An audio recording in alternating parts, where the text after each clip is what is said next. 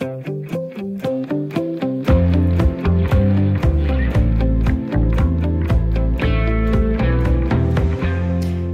verden har blikket rettet mod Ukraine i disse dage. Det gælder ikke mindst de danske virksomheder, som på den ene eller den anden måde opererer i Rusland eller Ukraine. Der er for eksempel virksomheder, som lever af at eksportere varer til Rusland.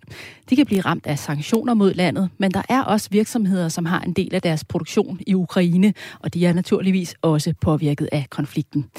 Her i selskabet på Radio 4 ser vi derfor nærmere på de konsekvenser, konflikten om Ukraine har for dansk erhvervsliv. Jeg hedder Stine Lynghardt og er vært sammen med erhvervskommentator Jens Christian Hansen. Hej Jens Christian. Hej. Vi skal også runde et helt andet emne.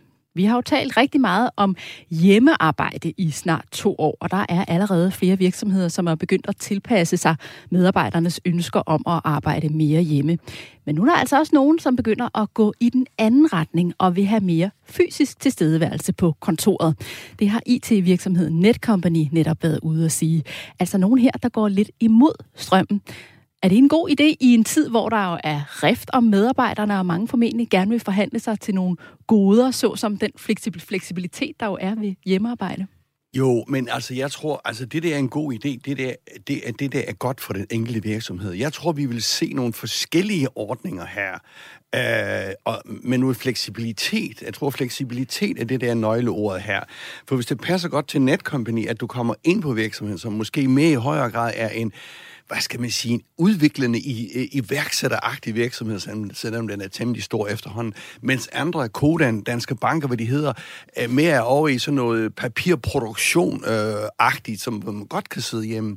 Så jeg tror, pointen, øh, øh, det er, at man skal finde den ordning, der præcis passer til sin egen virksomhed.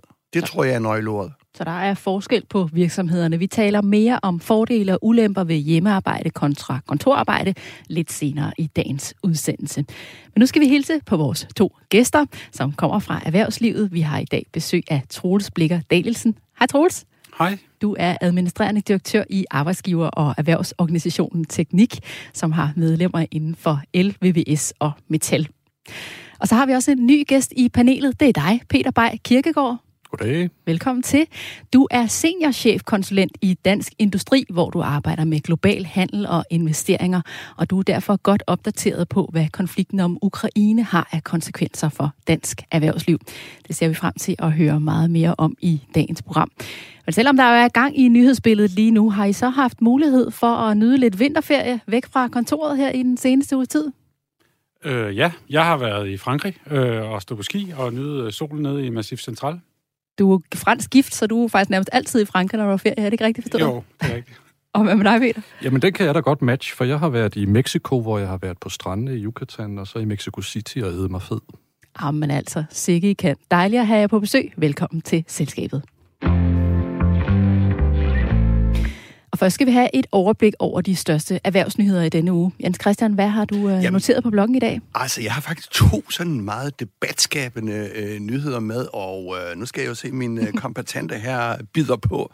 Den ene ting er jo, at øh, den socialdemokratiske regering er vendt 180 grader i spørgsmål om, jeg kalder det kvoter i erhvervslivet. Det er, man kan kalde det så meget, det er det der med, at man skal indføre nogle regler omkring øh, mænd og kvinder, hvor mange mænd og kvinder, der skal være i øh, i ledelserne i virksomheden, altså i bestyrelserne og direktionerne. Og det har jo i mange år været optræk til noget EU, øh, øh, hvad skal man sige, direktiver på det her område, men nu pludselig sprang øh, regeringens øh, ligestillingsminister øh, Trine Bremsen ud med et forslag om at og, og, og måske gå endnu videre om, nemlig at lave sådan en, en, øh, en, en regel om nogle måltal, øh, Øh, som i hovedtræk gør, at 40 procent af, øh, hvad skal man sige, øh, medlemmerne i bestyrelse og direktioner i et par tusind virksomheder skal være kvinder inden for et vist antal år. Det er virkelig en, der skaber debat på de øh, sociale medier, og også i erhvervslivet ved jeg, der er fortællere, og der er modstandere af det, øh, og der er direktører, der er fortællere, og der er direktører, der er modstandere af det. Jeg tror bare, det er på tide, hvis vi skal videre, at nu må vi altså have de kvoter, øh, så vi kan komme videre. Øh, men, men, øh, men lad mig høre, lad mig høre jer to, som kommer fra øh, det tunge erhvervsliv. Og må jeg ikke bare lige konstatere et panel i dag med tre mænd. Men lad os bare høre, hvad I har at sige, Troels. Hvad tænker du? Øh, ja, jeg er jo hæmmet af viden her, øh, men øh, det er jo ikke kvinder, i, vi taler om. Vi taler om det underrepræsenterede køn. Og øh, det tror jeg bare, man skal holde fokus på, at øh, det her kan jo godt ændre sig over tid, så det lige pludselig bliver mændene, der er de underrepræsenteret. Jeg tror, det er, jeg tror, det er svært med de her sådan, generelle øh, måltal, fordi der er nogle brancher, for eksempel de brancher, jeg repræsenterer, der uddanner man simpelthen pt. ikke kvinder nok. Øh, så, så det er, det er dilemmafyldt. Øh, jeg, jeg, uh, om det er det rigtige vej at gå, det ved jeg ikke. Øh, jeg tror jo på, at matrikalet overtager, øh, uh, matrikalet overtager øh, Danmark inden længe, så øh, ja, jeg tror på, at det er manden, der bliver den underrepræsenteret køn om 30 år. Jamen, det er selvfølgelig rigtigt nok. Du har en point i det der. Det skal jo gælde begge veje. Uh, om det så også betyder, at det skal være 40% jordmødre, eller hvad det hedder, uh, det ved jeg ikke. Men altså, i første omgang uh, kan man i hvert fald gå et skridt, og så kan man så håbe på, hvis jeg forstår det ret her, så er det sådan en fem års overgangsperiode, at det så skaber nogle flere, uh, noget mere, hvad skal man sige, aktivitet på det her område. Men Christian, er det ikke også noget med, med de her tal, når man sætter nogle tal op, så kan man måske også uh, komme til at sætte spørgsmålstegn ved, om man nu også er, er den bedste til jobbet som kvinde, oh, der så får tilbudt altså, det job, den der diskussion om, at jeg vil vælges på mine kompetencer og på, ikke på mit køn og sådan noget. Altså, nu har mænd jo blevet valgt på deres øh, køn i et par tusind år, øh, øh, rundt regnet, ikke? Øh, sådan lidt groft sagt, ikke? Så, så, så det går nok. Og det der med kompetencer, jamen, hvem er det, de definerer de kompetencer? Er det, nu siger jeg, os mænd i øh, den øh, plus 50, jamen det er det jo langt hen ad vejen. Jeg tror bare, man skal kaste nogle nye øjne ind på det der. Altså, man kan jo se, øh, hvis jeg skal være lidt provokerende, finanssektoren for eksempel, den har været meget domineret af mænd. Hvor godt er den lige gået? Ja, de sidste 10-15 år. Ikke fordi jeg tror, at bundlinjen og resultaterne bliver bedre. Altså, kvinder er jo ikke bedre til at drive virksomhed, eller dårligere til at drive virksomhed.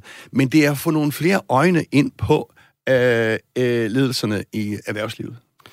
Er jeg, jeg kan måske lige supplere, og så nu er det ikke mit område i dansk industri, så, så jeg skal ikke sådan forholde mig til det der udspil, men jeg kan bare konstatere, at de, øh, at de virksomhedsledere, jeg taler med øh, sådan, øh, på daglig basis, og når det her emne kommer op, de siger jo alle sammen, de vil jo rigtig gerne have flere kvinder i deres bestyrelser og i deres ledelse, og de leder med lys og lygte efter dem. De er bare meget svære at finde. Jo, men den holder vel ikke altid, den der. Altså, nogle gange må man jo ligesom springe ud og så sige, okay, vi vil ikke have, altså, det er ikke nødvendigvis øh, øh, de kompetencer, man skal søge efter nogle andre kompetencer. Og det handler vel også om, hvordan man hjælper kvinderne frem i virksomhederne, tænker jeg. Det kan meget vel være, at der er et eller andet, der skal gøres der. Altså nu, nu Troels og jeg har begge to en fortid i, øh, i embedsværket, og der, der synes jeg måske, man kan konstatere, at der, der er øh, kvinderne, de har da vel overtaget Ja, på alle niveauer, på bortset alle niveauer. fra departementcheferne. Ja. Og det er jo kun et spørgsmål om tid. Ja. Så det, der er det mænden, der bliver det underrepræsenteret køn i, leder, i ledelserne inden for meget kort tid. Så må vi have nogle kvoter ind der. Stine, kan jeg nå en ting mere, det, som, som jeg brænder meget for? Ja, tag den med. Og det er jo vores flyselskab SAS. Ja. Som jo er i problemer igen, igen, igen. Af forskellige årsager. Selvfølgelig er det udefra kommende ting, Uh, vi flyver ikke så meget, vi tager ikke så meget på ferie, og erhvervsfolkene rejser måske heller ikke så meget mere. Der har også lige været en masse omkring noget bagage. Også, ja, det er jo så et andet selskab, men det rammer jo selvfølgelig SAS, så, så ja, uh, det kan du sige. Pointet er jo her, skal vi med statens penge i ryggen hold SAS flyvende, eller skal vi lade det gå ned og hjem? Havde det været en almindelig privat virksomhed, uh, så var den krakket for uh, lang tid siden, og så var det måske opstået noget nyt. Jeg synes jo, det er vigtigt, at vi holder sats på vingerne med statsfinansiering, fordi Københavns Lufthavn er så afhængig af SAS. Omkring 30-40 procent af, i hvert fald 30 procent af aktiviteten nu i lufthavnen i København, hvor det er et par 20.000 ansatte, øh, er, er, er afhængig af SAS. Kan det holde i længden, det her? Nej, SAS må jo ligesom gøre sig klar til også at, at, at møde den kon, øh, konkurrence. Men vi står altså over for nu her på en kort bane måske, og at staten skal øh, putte nogle endnu flere penge i, øh, i SAS øh, for at holde den flyvende. Det kunne være, at vi skulle tage det op som emne her i programmet en dag. Stine, Tænker, det gør vi. diskutere videre om det. det skulle ikke vi. gøre det. Tak for ugens nyhedsoverblik. Du lytter til Erhvervsmagasinet Selskabet på Radio 4. Jeg hedder Stine Lynghardt, og ved min side er erhvervskommentator Jens Christian Hansen. Og vores to gæster er Troels Blikker Danielsen fra Teknik og Peter Bay Kirkegaard fra Dansk Industri. Og nu skal det handle om konflikten om Ukraine. Der er jo mange, der følger nøje med i udviklingen. Det gælder ikke mindst investorerne på aktiemarkedet, men også de danske virksomheder, som på den ene eller den anden måde opererer i Rusland eller Ukraine. Det er der faktisk en del, der gør. Og jeg vil godt lige starte med at sige, at det her program er optaget på forhånd for en dag siden, og det her er jo altså en konflikt, som udvikler sig time for time i disse dage. Så hvis vi ikke har den allerseneste udvikling med, så er det altså derfor. Men Jens Christian, det ændrer jo ikke på, at der er mange både investorer og virksomheder, som nok holder ekstra øje med nyhederne i disse dage, og måske nogle af dem endda også holder vejret. Hvorfor er det, at en konflikt om Ukraine betyder så meget for både aktiemarkedet og for danske virksomheder? Ah, men hvis vi skal tage aktiemarkedet først, så kan aktiemarkedet ikke så godt lide sådan en usikkerhed. Der handler man jo ind i fremtiden, og hvis man ikke kan se ind i fremtiden, så skal, alt andet, så skal aktier alt andet lige handles lidt ned, og det er vel det, der er sket over den sidste tyk tid, sammen med nogle andre ting på aktiemarkedet. Så er det virksomhederne, og der er jeg jo spændt på at have to så øh, øh, kompatible øh, kompetable øh, personer i studiet i dag fra, fra de store erhvervsorganisationer, fordi hvordan agerer den, den enkelte øh, øh, virksomhed, som har måske produktion derover, måske har IT, er ret stor IT-support øh, derover. Uh, øh, vi har en Carlsberg, vi har øh, et hav af virksomheder, som er repræsenteret derover. Uh, øh, og jeg tror bare, man skal vende sig til, at, at hvis du er en international virksomhed, og du opererer over hele verden, jamen så er det problem et sted, og hvis det, det problem et sted bliver løst, så popper det et andet problem op et andet sted. Så jeg tror bare, at, man skal, at virksomheden skal vende sig til, at, at, at, at det her er normalen, måske ikke så voldsomt, som det er lige nu, men det er en usikker verden, vi lever i, og hvor, hvorhen popper det op næste gang? Er det i Asien? Er det i Afrika? Er det i Sydamerika? Men ja, øh, den her konflikt er jo tæt på, så den, den, øh, den betyder noget. Altså, den betyder noget for direktionerne og ledelserne i, øh, i de virksomheder, der er berørt af det her, lige i disse dage og timer. Peter, jeg tænker, der må være forskel på, hvordan den her situation øh, påvirker virksomheder, der opererer i Rusland og dem, der opererer i Ukraine. Kan du ikke prøve at tage os med op i helikopteren og fortælle om, hvad det er for nogle erhvervsmæssige relationer, vi har til de to lande? Jo, altså, altså vi, har jo ret, øh, vi har jo ret omfattende eksport til Rusland øh, på omkring 7-8 milliarder. Og øh, og den, den var højere, kan man sige, tilbage, hvis man går tilbage før 2014, hvor, øh, hvor Rusland de indførte forbud mod import af fødevarer fra Europa.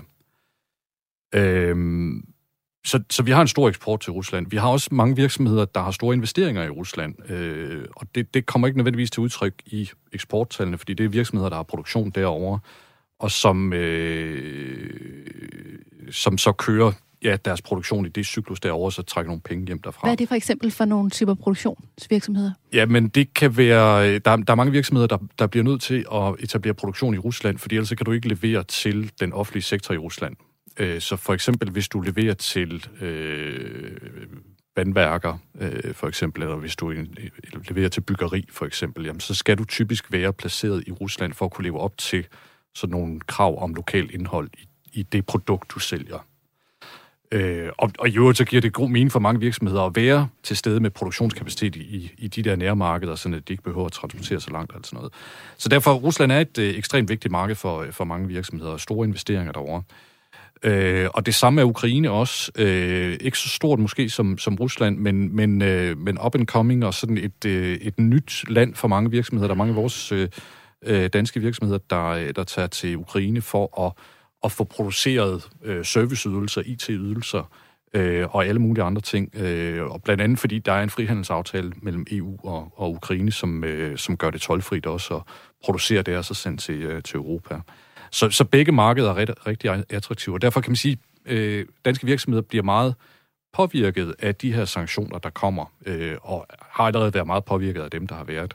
Og netop det, som som, bliver, som Christian siger her omkring usikkerheden, det er jo noget, der tæller rigtig meget for dem, at de sidder jo alle sammen nu her og tænker, altså sådan, sådan sidder på stille på, hvad er det for nogle sanktioner, der kommer, og hvordan kommer de til at påvirke vores, øh, vores forretning?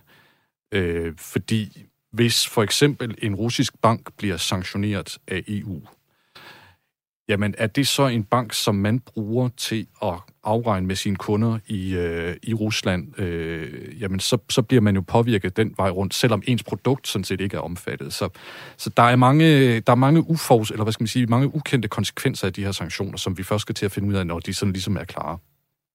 Jens Æ, Peter, kom det, du sagde det der, og det tror jeg går hen over hovedet på mange øh, øh, folk, at, at de importerer ikke fødevarer fra, altså Rusland importerer ikke fødevarer fra Europa, øh, hvis jeg forstår det ret, ikke? Ikke, ikke formelt set. Nå, De okay. importerer, de importerer en, en masse hvad hedder det, rejer fra Hvide Rusland. De rejer, de kommer så fra typisk fra Europa et eller andet sted. Okay, på den måde. Men jeg tænker bare på, har Rusland så opbygget en egen fødevareproduktion, eller er det gået andre steder hen og få de fødevarer, som de tidligere fik? Det er jo sådan en lille mini-handelskrig. Altså, Øh, jamen, både, både og. Altså, fordi øh, det, der jo faktisk er sket efter, at de er holdt op med at importere øh, mange fødevarer fra Europa, det er, at, øh, at de har fået opbygget deres egen produktionskapacitet til fødevarer. Øh, det har været rigtig godt for mange danske virksomheder inden for altså den sektor, altså dem, der leverer maskiner til, til, øh, til fødevareproduktion eller stallanlæg og, og alt sådan noget. Og, øh, og i dag er øh, Rusland vel faktisk ved at være øh, sådan relativt selvforsynende på fødevarer, og kan også snart øh, begynde at eksportere øh, rigtig meget af det. Øh, så, så den vej rundt, øh, så, så ja, altså vi er blevet ramt hårdt på, på det her med fødevarer. Der har så været andre afsætningsmarkeder for det, som så har vist sig, sig senere hen. Ikke? Troels, du havde også en kommentar? Jamen, jeg var fuldstændig enig med Peter, det her med, at øh, jeg har også en del virksomheder, som leverer sådan maskiner til, øh, til Rusland, typisk til landbrugsindustrien, så, som kan blive hårdt ramt af, af de her sanktioner. Det er jo ligesom den ene side af det. Den anden side af det er, er Ukraine-delen, hvor vi har også virksomheder, som har produktion lagt til Ukraine, som er bekymret for, hvad det kommer det til at betyde. Øh, og så tror jeg bare, at man rent geopolitisk og politisk i Danmark jo... Øh, jeg tror, man har undervurderet, hvor tæt på Ukraine er. Altså, det er jo lige om hjørnet. Det er jo tættere på end Portugal. Peter? Nå, bare og så sådan en sådan helt sådan op i helikopterperspektiv på det. Altså, øh, Ukraine er jo en af verdens største eksporterer, eller eksportører af hvede. Mm-hmm.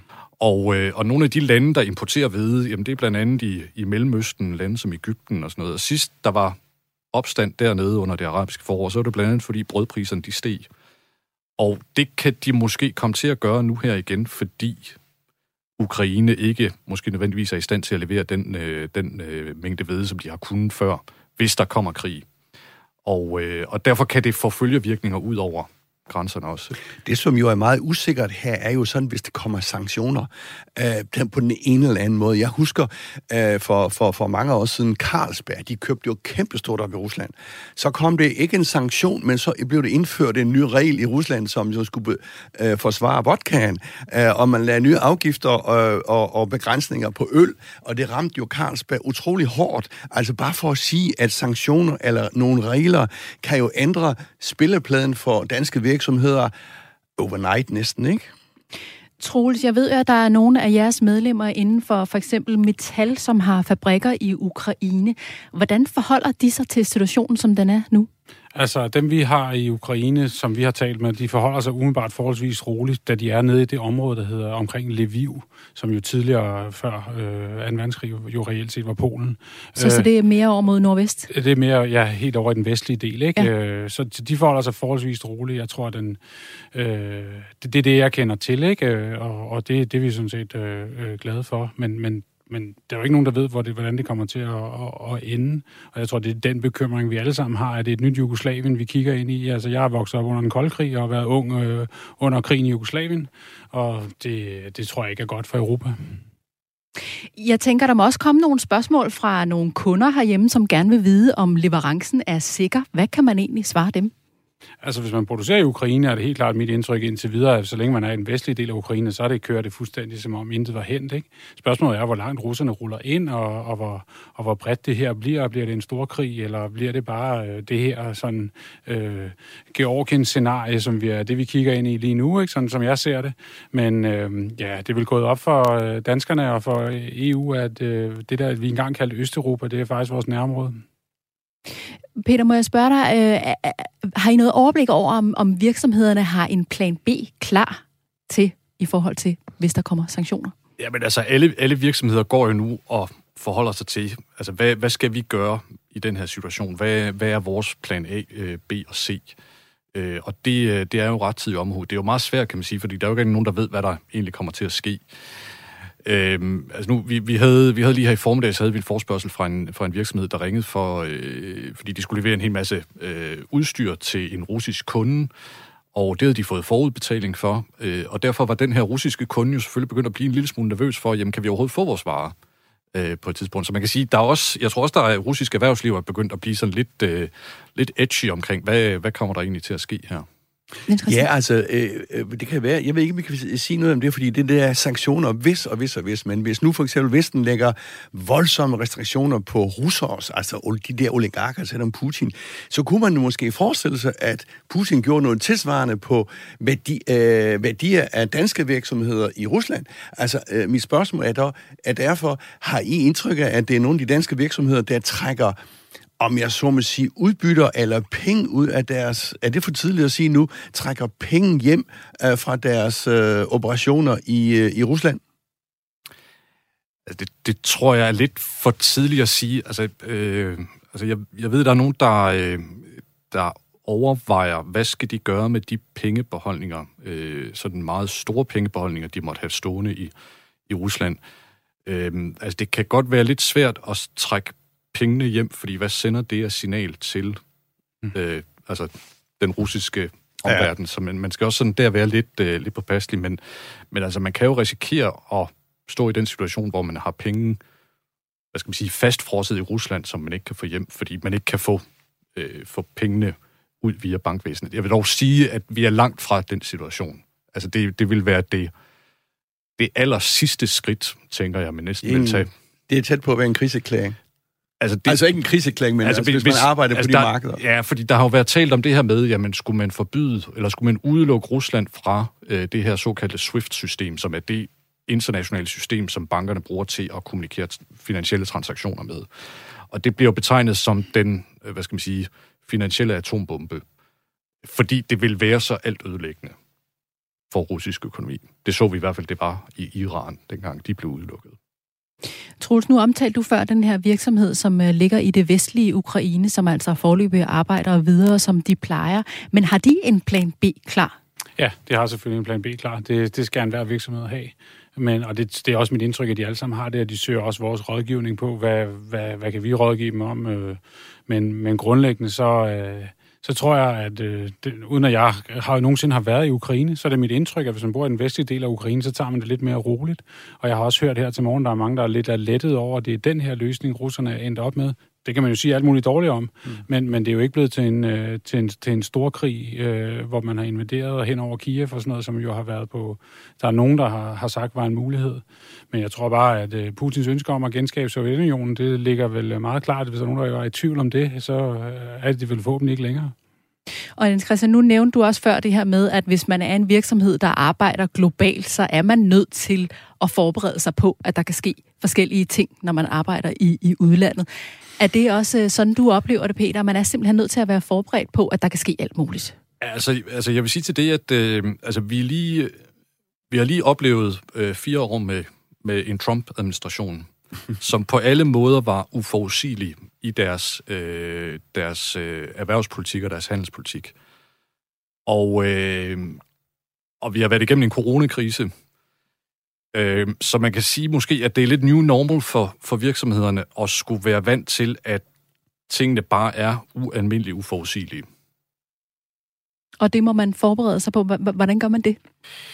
Jamen, det gør man jo ved at øh, have, øh, altså for eksempel ikke at satse alt på et marked selvfølgelig, sige. Øh, og det gør man ved at have nogle, øh, nogle diversificeringsstrategier, hvor man får leverancer fra forskellige leverandører. Øh, så, så det kan man gøre på, på, på rigtig mange måder som virksomhed, men, men jeg tror, øh, altså alle virksomheder, de har det her i baghovedet, at, øh, at tingene er øh, rimelig uforanderlige. Man skal måske så sige til det, at det er jo et vilkår, der er ens for alle Præcis. globale virksomheder. Og, øh, og der er danske virksomheder måske nogle gange lidt bedre i virkeligheden til at, at tilpasse sig sådan den der omskiftelige omverden, øh, fordi vi måske er en lille smule mindre og, og lidt mere agile. Og fordi vi er så gode købmænd. Hvis det er noget, vi kan i Danmark, så er det at være købmænd. Jeg tænker, at øh, de danske virksomheder holder rigtig meget øje med nyhedsbilledet lige i de her dage, og de håber selvfølgelig også stadig på en fredelig løsning, tænker jeg det tror jeg, alle håber på, ja. Ja. Uanset hvor det hele lander, så er det en højspændt situation omkring Ukraine, og du kan selvfølgelig følge den seneste udvikling i nyhederne her på Radio 4.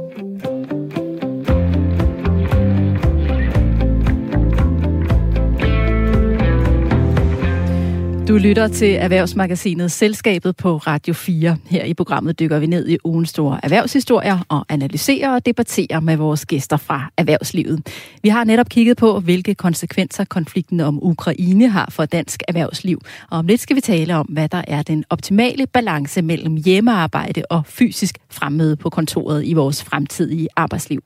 Jeg hedder Stine Lynghardt og er vært sammen med erhvervskommentator Jens Christian Hansen. Vores gæster er i dag Troels Blikker Danielsen, der er administrerende direktør i Arbejdsgiver- og Erhvervsorganisationen Teknik, og Peter Bay Kirkegaard, seniorchefkonsulent inden for global handel og investeringer i Dansk Industri. Men først skal vi have en quiz. Er I klar? Ja. Det er godt. Og jeg tænker, at øh, du har en lille fordel her, Peter. Men det er vel også helt fair, når man er ny gæst i programmet. Det er nemlig sådan, at både Dansk Industri, dagligvarekoncernen Coop, Forbrugerrådet Tænk, Danmarks Naturfredningsforening og en række miljøorganisationer vil have sat en stopper for vores overfyldte postkasser. De vil have ændret ordningen, hvor vi har mulighed for at sige nej tak til reklamer, til at vi i stedet skal sige aktivt ja tak, hvis vi stadig gerne vil have papirreklamerne. Det skal være med til at nedbringe mængden af affald, for vi danskere er faktisk europamestre i affald. Vi er simpelthen det folk i EU, der producerer mest affald per indbygger. Og spørgsmålet, som vi skal svare på i dagens quiz, det er, hvor mange ton papirreklamer bliver der omdelt i Danmark hvert år? Peter, vi skal nok lade være med at drille dig alt for meget, hvis du svarer forkert, for jeg tænker, at det er garanteret nogle af dine kolleger i andre afdelinger af Dansk Industri, som har arbejdet med det her. Men lad os prøve at se, hvordan det går. I får tre valgmuligheder.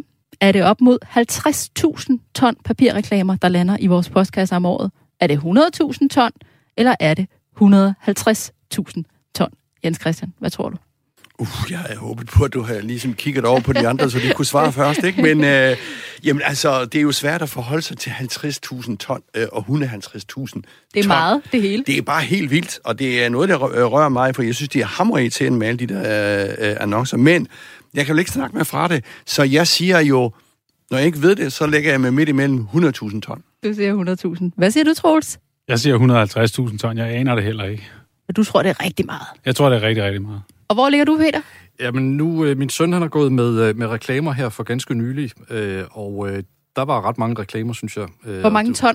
Jeg tror, det er 150.000 ton også. Du tror på de 150? Det er altså Jens Christian, der løber med sejren.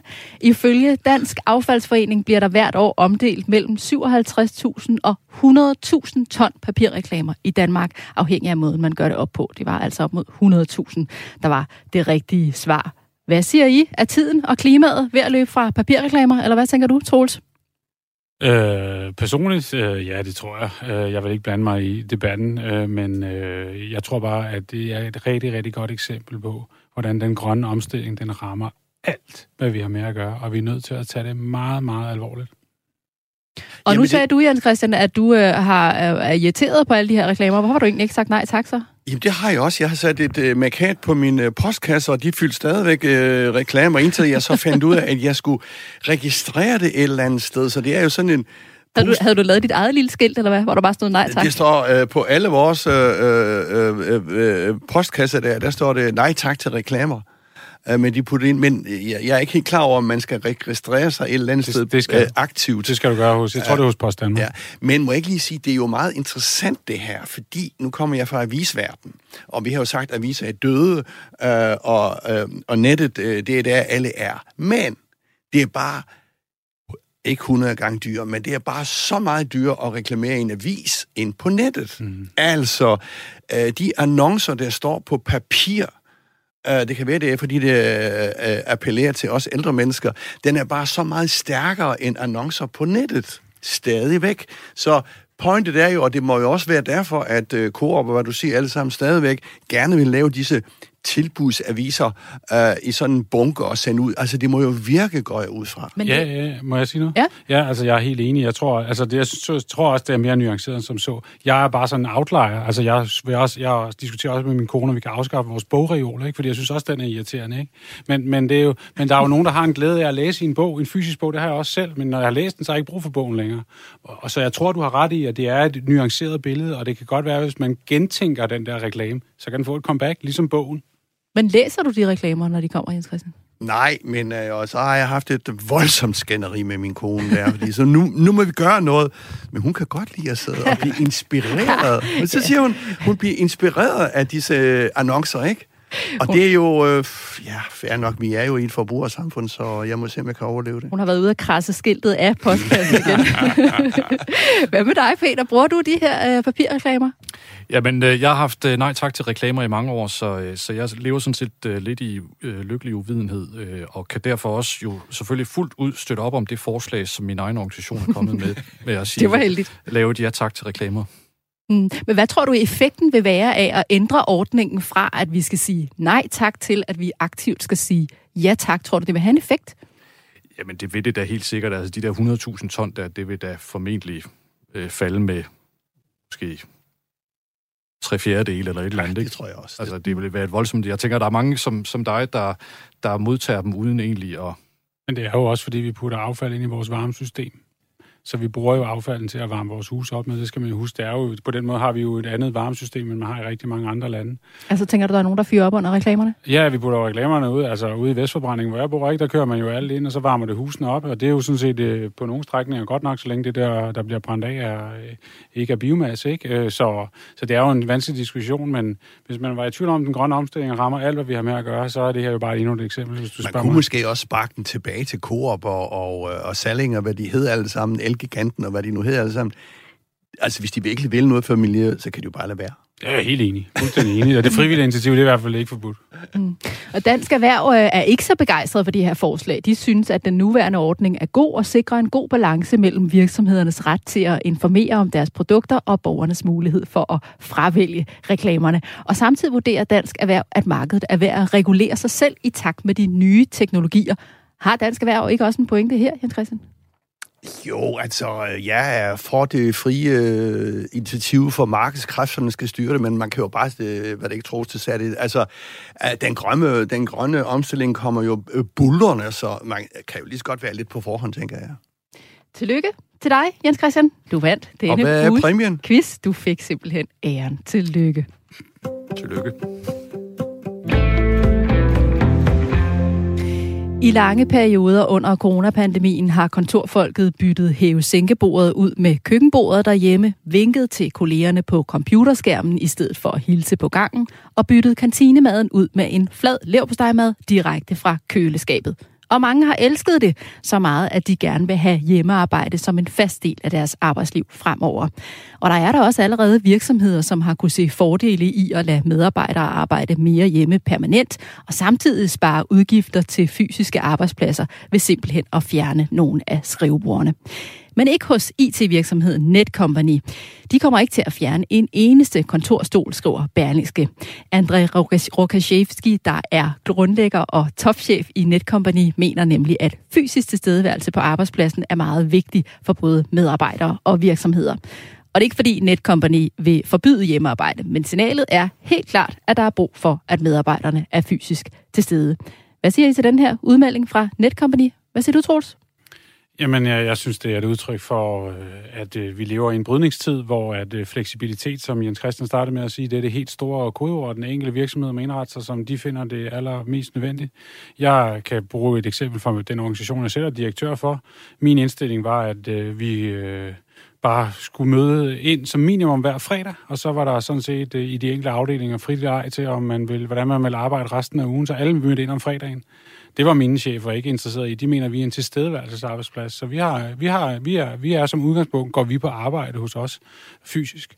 Øhm, og det, øhm, det, det er det, vi har valgt. Vi er en rådgivningsvirksomhed, og, og det, det er så den tilgang, vi har. Personligt så kan jeg arbejde, øh, hvis jeg bare har adgang til en telefon på bunden af havet, som jeg plejer at sige til min gamle chef. Altså, så det er jo meget individuelt. Så jeg skal lige forstå det, du siger. Altså, det var under coronapandemien, har I mødtes? Nej, her eller? efter coronapandemien har vi simpelthen jo drøftet det, ligesom alle Ja. virksomheder har. Hvordan skal vi forholde os til hjemmearbejde? Og mine chefer synes, vi skal være en tilstedeværelsesarbejdsplads. Så vi som udgangspunkt er til stede, ikke? Mm.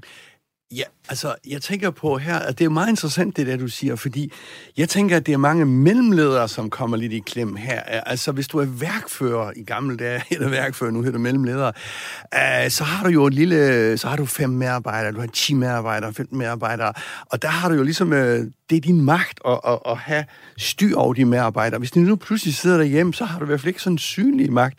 Det er noget, jeg skyder ud. Ja, det ved jeg ikke rigtig så Det meget tror jeg er men fuldstændig jeg... rigtigt, Jens Christian. Det er jeg fuldstændig enig i. Det stiller ekstremt store krav til ledelserne, øh, hvis man skal kunne lede uafhængig af tid og sted. Øhm, jeg har været visdirektør i en styrelse, som blev flyttet ud øh, under den store udflytning i, under øh, Lars Løkkes regering. Og det gjorde bare, at vi helt konsekvent var nødt til at træffe den beslutning, at vi skulle kunne arbejde fuldstændig uafhængig af tid og sted, hvis vi skulle tiltrække de rigtige kandidater til en offentlig arbejdsplads. Så, og så lærer du det på den hårde måde. Øh, så jeg tror, at øh, det her det er de enkelte øh, virksomheder nødt til, og jeg tror også, at det, nu har fagbevægelsen jo været lidt bagstræberisk, vil nogen sige, på det her hjemmearbejde. Øh, og jeg tror bare, det er fleksibilitet, fleksibilitet, fleksibilitet. Vi havde en drøftelse sidst, jeg var i Bruxelles med den europæiske fagbevægelse. Hvad med grænseoverskridende hjemmearbejde? Hvis dine medarbejdere sidder i Rumænien og arbejder for en virksomhed, men bor normalt i, i, i Bruxelles, hvad så? De har jo været sendt hjem under corona, ikke? Så, så det, vi har slet ikke set, vi har slet ikke set den fulde potentiale i det her endnu. Vi ved slet ikke, hvad muligheden er. Hvis jeg nu kunne få en rigtig dygtig medarbejder, som insisterer på at bo i Mallorca, men arbejder super, super effektivt og super dygtig, what's the problem? Jeg kunne godt tænke mig lige at vende tilbage til det her med, øh, hvad det også kræver af ledelsen, men jeg kunne godt tænke mig at spørge dig, Peter. Altså, André Rokashevski, han går vel lidt imod strømmen her, eller hvad gør han? Øh, fordi vi ser jo virksomheder som Danske Bank og Kodan, der skærer ned på antallet af kontorpladser, og vi ser medarbejdere, der efterspørger fleksibilitet. Så er det ikke lidt at gå mod strømmen?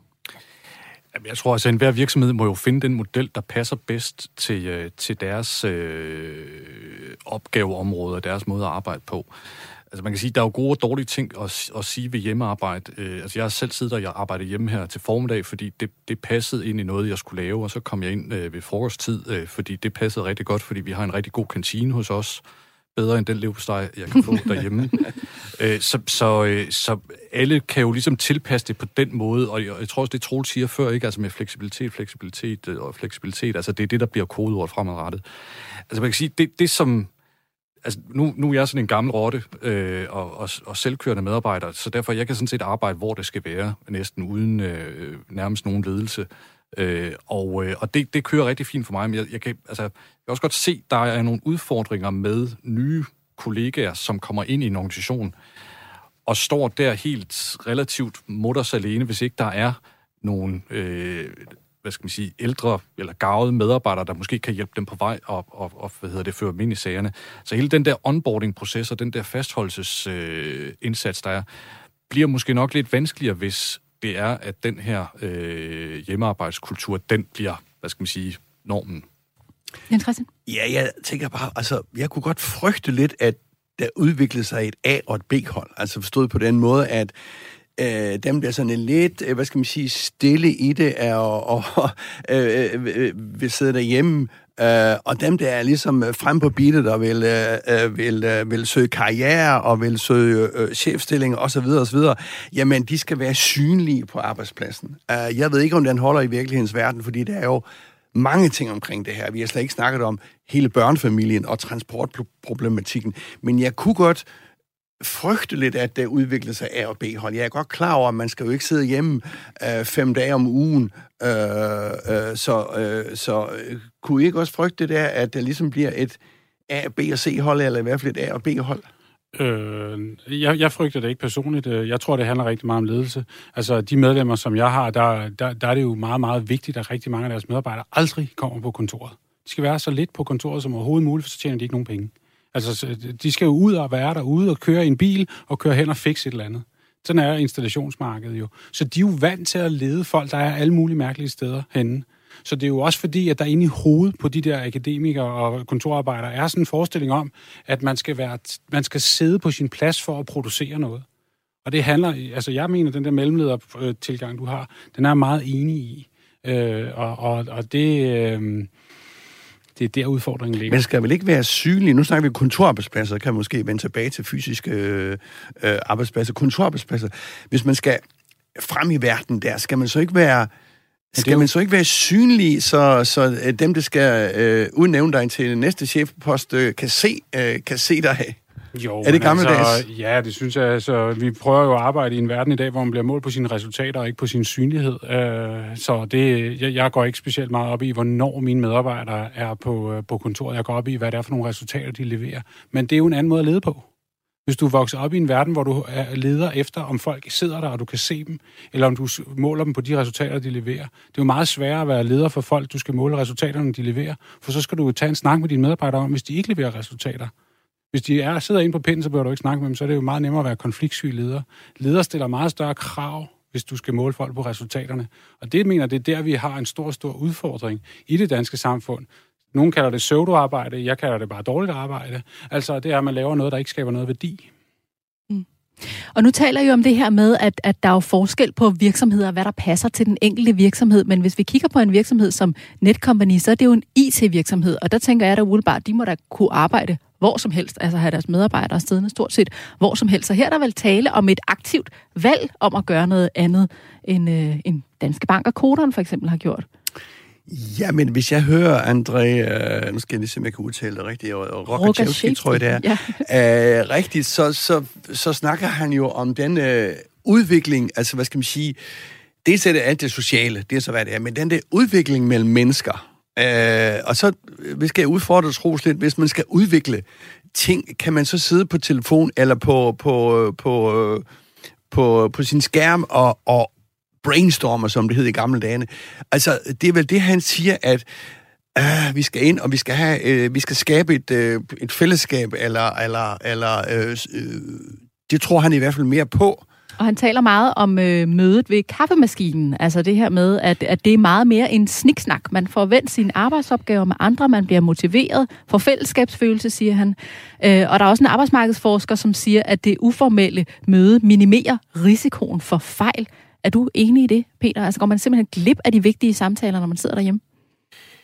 Ja, men det synes jeg da godt, jeg kan ikke genkende til det der med, når man har siddet øh, derhjemme en hel uge og haft et, øh, et, hvad hedder det, et, et møde med ens kontor, hvor man ligesom har gjort status.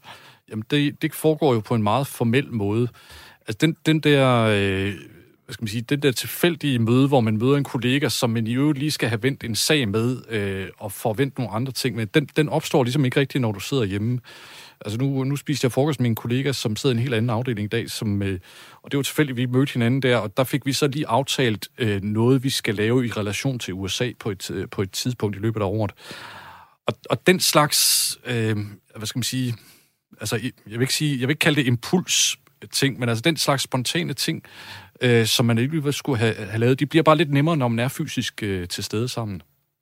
Skulle vi ikke lige prøve at høre et par danskere om, hvad de synes om at arbejde hjemme? Vi har været en tur på gaden i København, så prøv at lytte med her. Kunne du godt tænke dig at have mulighed for flere hjemmearbejdsdage fremover? Ja, jeg har vendt mig til det. Jeg synes, det er rart, fordi det giver dig mulighed for at koncentrere dig.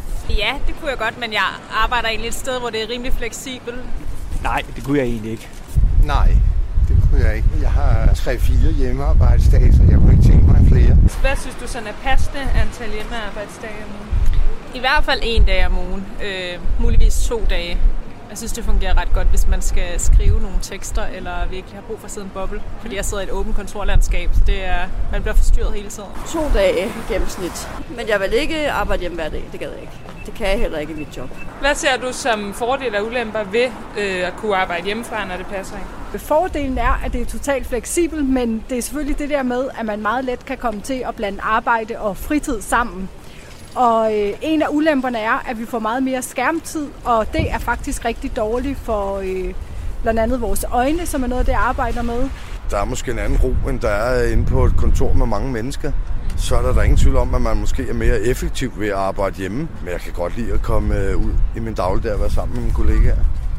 Det, det er bare ikke det samme at møde sine kollegaer eller sine kunder online, som det er at møde dem i det virkelige liv. Man skal passe på den der sociale ting omkring det at være i et fællesskab og arbejde. Ikke? Det, det kræver en disciplin, så når man overholder arbejdstidsreglerne. primært fordel af fleksibiliteten, børns sygedage og andre ting. Ulempen det er, at de begynder at ikke at ville betale for hjemmekontor og arbejdsplads. Det er ligesom en spare omgang for arbejdsgiver. Jeg har oplevet meget på min arbejdsplads, at da vi skulle arbejde hjemme hele tiden, så øh, de der snakker, man havde i frokoststuen, som nogle gange skaber nye idéer, dem mangler man. Vi skal bevæge os, vi skal se, øh, vi skal udenfor have noget stavslys, og vi skal møde hinanden som de mennesker, vi er. Ja, er I enige i det, vi hører her fra danskerne, når vi taler om fordele og ulemper ved hjemmearbejdet kontra kontorarbejdet? Hvad tænker du, Jens Christian? Jo, men udtrykker det i grunden ikke øh, rigtig godt, hvis man øh, lægger det hele sammen, at øh, man ønsker fleksi- øh, fleksibilitet. Men jeg lagde mærke til en, som sagde noget interessant øh, her. Altså, risikoen er jo, at du er på arbejde hele tiden. Mm. Uh, nu så jeg et, et program i Danmarks Radio her for nylig, så en arkitekt, hvor nogle uh, arkitektstuderende, nej, arkitekter skulle lave nogle nye, øh, øh, øh, øh, hvad skal man sige, øh, øh, sådan nye møbler, og, og, og de skulle så lave et nyt møbel, som var en hjemmearbejdsplads, som skulle indgå, øh, hvis man ikke var på arbejde, så skulle det så indgå som øh, en del af, af, af stuen der, men altså skulle det ikke ligne en hjemmearbejdsplads. Altså, det hele flyder ud i en stor Øh, så kan du gå ned og vaske tøj, og du kan hente dine børn, og du kan øh, det ene og det andet, og så kan du arbejde fra 10 til 12. Øh, men du tænker måske på arbejde hele tiden. Altså, jeg tænker bare på det, det der med at have på arbejde hele tiden, er også en fare, hvis man skal sige det sådan. Ikke? Mm. Der er også lavet et nyt studie fra Syddansk Universitet, som Berlingske omtaler, og det peger på, at den yngre generation under 24 år faktisk rigtig gerne vil på kontoret, mens de ældre generationer ser flere fordele ved at arbejde hjemme. Er det også en tendens, I ser, Peter?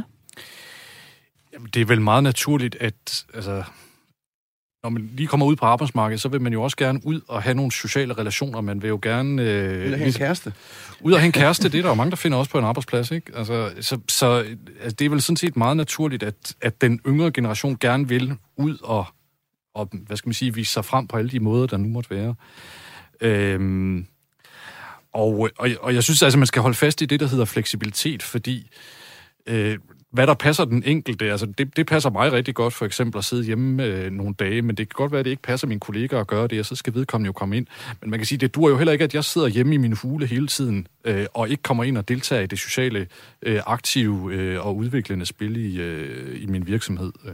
Jeg kunne godt tænke mig at spørge dig, Troels, fordi I repræsenterer jo også nogle brancher, som øh, ikke alle sammen har haft mulighed for at arbejde hjemme, for eksempel inden for håndværk, produktion. Hvordan har de egentlig haft det med at, at se kontorfolket juble over fleksibiliteten i at kunne øh, hente sine børn tidligere og arbejde lidt om aftenen? Det har man jo ikke den samme mulighed for, hvis man arbejder på en byggeplads, for eksempel. Altså, det er jo den ufortalte historie under corona. Det er jo, at man har haft sådan ekstremt stort fokus på de mennesker, som har kunne arbejde hjemme og har glemt alle dem, som har gået på arbejde. Det er der altså, den manglende anerkendelse, de mennesker har oplevet, den kan, ikke, den kan ikke beskrives, men der er jo ikke nogen, der rigtig fortæller den historie. Jeg har ikke et eneste medlem, der ikke er monstertræt af at høre om alle de offentlige ansatte, som har fået lov at arbejde hjemme, og som synes, de har fået lige præcis nul anerkendelse for at gå på arbejde hver evig eneste dag under corona for at holde produktionsdanmark kørende. Så det er det korte svar på det, øh, på det spørgsmål. Øh, så jo, der er ikke ret mange, der, der synes, det der det, det giver meget mening. Når det så er sagt, så vil jeg sige, altså jeg er jo meget, jeg grundlæggende meget enig i, at det handler om situationsbestemt ledelse. Du har jo nogle medarbejdere, som performer bedre ved at sidde derhjemme, og så har du nogen, der performer bedre, når de er på arbejde. Men lad os nu holde fast i, at er det okay at gå på arbejde og så sidde en halv time hver dag på Facebook? I min verden er det overhovedet ikke okay. Men det er det jo rigtig mange danskers verden. Men det er jo fordi, de, det er jo fordi at det betragter de jo som værende okay at være en del af dit arbejde, men det er jo lige så meget at flyde arbejdsliv og privatliv sammen. Så, så der er jo nogle grænser her, der flytter sig, som vi alle sammen er nødt til at forholde os til, og særligt mellemlederne, hvis jeg må rose Jens Christian for det. men men, men øh, jeg må ikke lige spørge så, øh, Troels, fordi øh, når vi snakker om de der altså, øh, mellemledere, altså, som skal lede øh, på afstand og sådan noget, hvordan altså, sætter man nogle krav op, eller du skal levere, nu snakker vi igen om kontorfolket her, ikke? Øh, øh, hvad er succeskriterierne? Altså, hvor, altså, jo, men hvis man ikke kan måle, hvad for nogle resultater folk skaber, så skal man jo stille sig selv det spørgsmål, skaber de så nogle resultater? Altså, det, det mener jeg helt grundlæggende. Du kan jo ikke, en VVS'er, der kører ud og skal fikse noget ude hos fru Jensen, der er, jo, der er jo lavet en aftale om, hvad det koster i timen. Så hvis der er nogle kontorfolk, som laver noget, som du ikke kan måle værdien af, så skal der jo være en chef, der stiller spørgsmål med, hvad er det egentlig taget, du laver? Og skulle du lave det på en anden måde?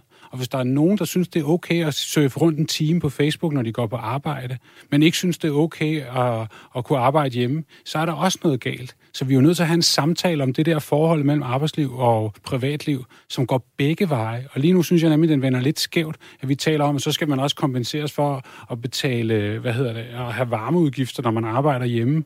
Men vi taler ikke om, at det er, at hvis, der, hvis jeg siger til en af mine medarbejdere, du sidder og surfer på Facebook, så har du gjort det 45 minutter nu, så bliver jeg jo udskammet. Øh, altså, så der, altså, den går begge veje. Kort her til sidst, Peter. Tænker du også, at det kræver noget særligt af ledelsen at skulle fjernstyre medarbejdere? Jamen, det, det gør det da helt sikkert, øh, både at kunne altså, følge med i, hvad, hvad folk laver, om de rent faktisk uh, leverer det, de, uh, de skal, men også at motivere folk til at, at levere det. Og det, altså, det kan vel godt være lidt, lidt vanskeligt fra, fra afstand. Kort til sidst, Jens Christian, hvor tror du balancen lander mellem hjemmearbejde og kontorarbejde?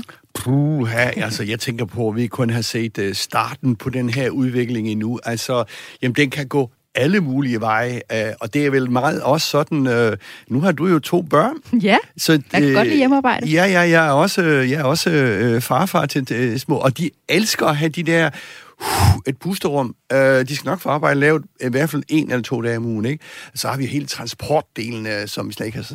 Så vi er kun lige startet lad os runde det her emne af. Vi er nemlig nået til vejs ende i selskabet i dag. Tak til vores gæster.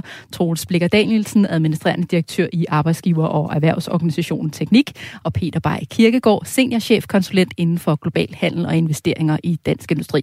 Og Jens Christian, vi ses igen på næste onsdag. Programmet her var produceret af Beam Audio Agency for Radio 4. Tak fordi du lyttede med.